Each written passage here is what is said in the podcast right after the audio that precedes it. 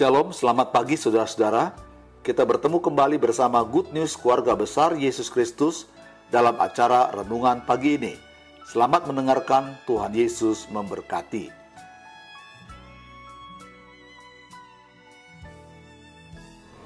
Shalom, salam sejahtera dalam kasih Tuhan. Bapak, Ibu, Saudara, keluarga besar Yesus Kristus di mana pun berada, para pendengar setia Renungan Podcast, kiranya Tuhan memberikan kesehatan bagi kita semua.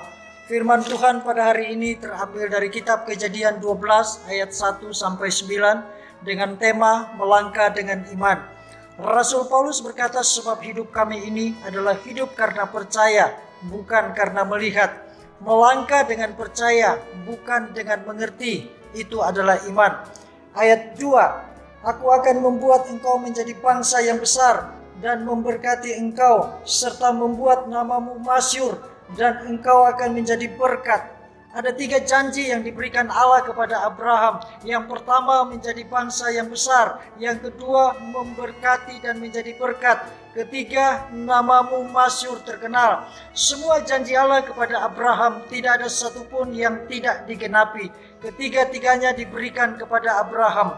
Janji yang pertama menjadi bangsa yang besar digenapi tanah Kanaan Israel lebih terkenal dari Ur Kasdim, tempat asal Abraham. Sekarang Ur Kasdim tinggal reruntuhan yang letaknya Irak Tenggara.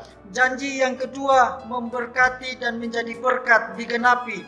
Adapun Abraham sangat kaya, banyak ternak perak dan emasnya. Kejadian 13 ayat 2. Ternak Abraham sangat banyak di lembah Yordan sehingga dia harus berpisah dengan Lot kemenakannya karena tempat itu tidak lagi bisa memuat ternak mereka. Janji yang ketiga, namamu masyur digenapi. Abraham menjadi sangat terkenal sebagai bapak orang beriman, bapak orang percaya, bahkan namanya dikenal melebihi tokoh-tokoh dunia. Semua janji Tuhan kepada Abraham digenapi, demikian juga janji Tuhan kepada kita. Dan untuk mendapatkan semua itu, ada tiga hal yang harus kita perhatikan. Yang pertama, mendengarkan Allah, ayat 1.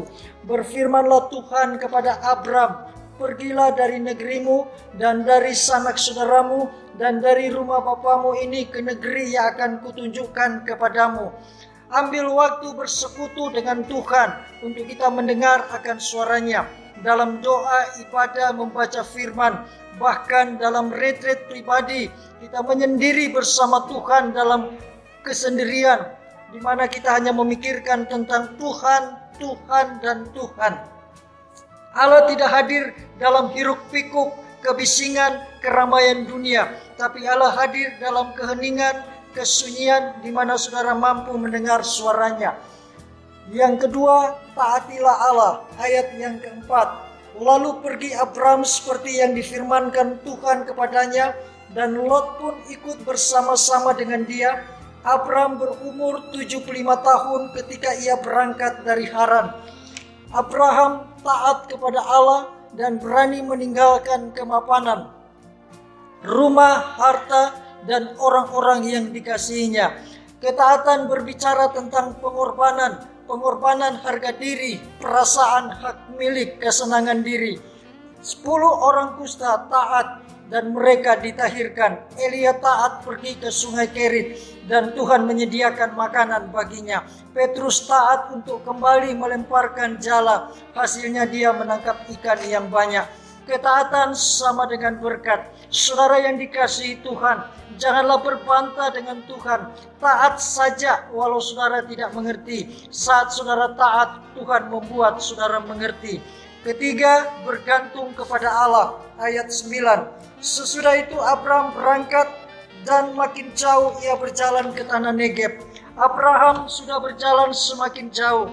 Abraham tidak mungkin kembali ke Ur Kasdim dia sudah tidak tahu jalan balik. Berjalan terus ke Kanaan pun dia tidak tahu jalan. Satu-satunya harapan hanya pada Allah. Satu-satunya harapan hanya bergantung kepada Allah agar Allah terus memimpin perjalanannya untuk sampai di tanah perjanjian. Sebagai orang-orang percaya, kita semua menerima janji Tuhan. Tuhan memberikan kepadamu hari depan yang penuh harapan Yeremia 29 ayat 11b. Saudaraku yang dikasihi Tuhan, apa pun keadaanmu hari ini, dengarkan baik-baik. Tuhan sanggup menepati janjinya kepada kita semua seperti kepada Abraham. Penting untuk diingat, mendengarkan Allah, taati Allah, bergantung kepada Allah. Amin. Selamat berkarya bagi Tuhan. Tuhan Yesus memberkati.